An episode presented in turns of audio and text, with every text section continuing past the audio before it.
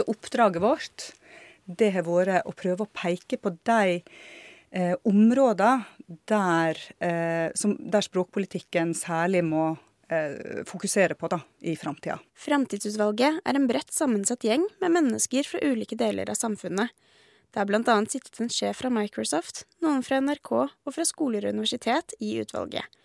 Det ene kapittelet i rapporten handler om nettopp språk i akademia. Vi syns jo at det i utgangspunktet bør være norsk, men her må en være pragmatiske.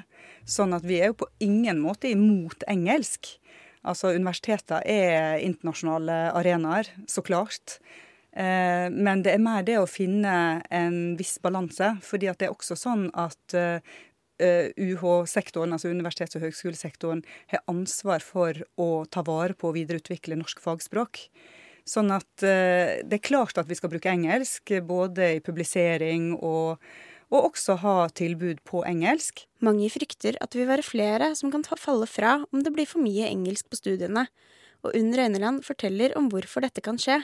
Altså, Vi har en tendens til å tro at vi er så skrekkelig gode i engelsk. Og det er klart vi er relativt gode i engelsk sammenligna sammenlignet med, med mange andre europeiske land.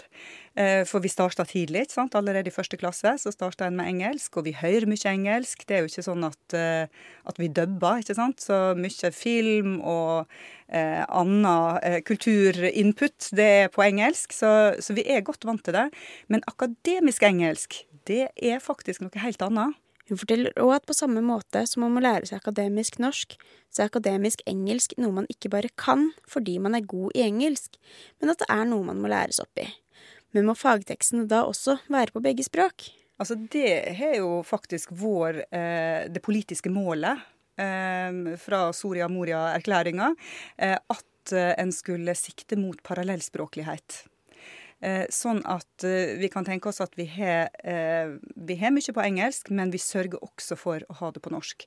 Røyneland nevner at insentivet er internasjonalisering, og at det jobbes for å få flere internasjonale studenter til Norge men at andelen per i dag ikke er så høy. Så det er heller ikke så uvanlig at du kanskje har eh, en eller to eh, og i en stor forelesningssal, og så foregår alt på engelsk. Eh, det er viktig, men, men samtidig så, så må ikke en glemme at, at det faktisk er en terskel for norske studenter. og Eh, at læringa kan bli dårligere. Men hun påpeker også at det er viktig å delta på de internasjonale arenaene, og at det er viktig for studentene å øve på engelsk. Altså det er jo noe som, som vi ivrer for å få eh, universiteter til å til å opprette noen slike språksenter, der en kan få hjelp ikke bare til å lære folk bedre norsk, men til å lære folk bedre engelsk. For det trenger vi. Forsknings- og høyere utdanningsminister Iselin Nybø har sagt at hun har bestemt seg for å bruke tildelingsbrevene for 2019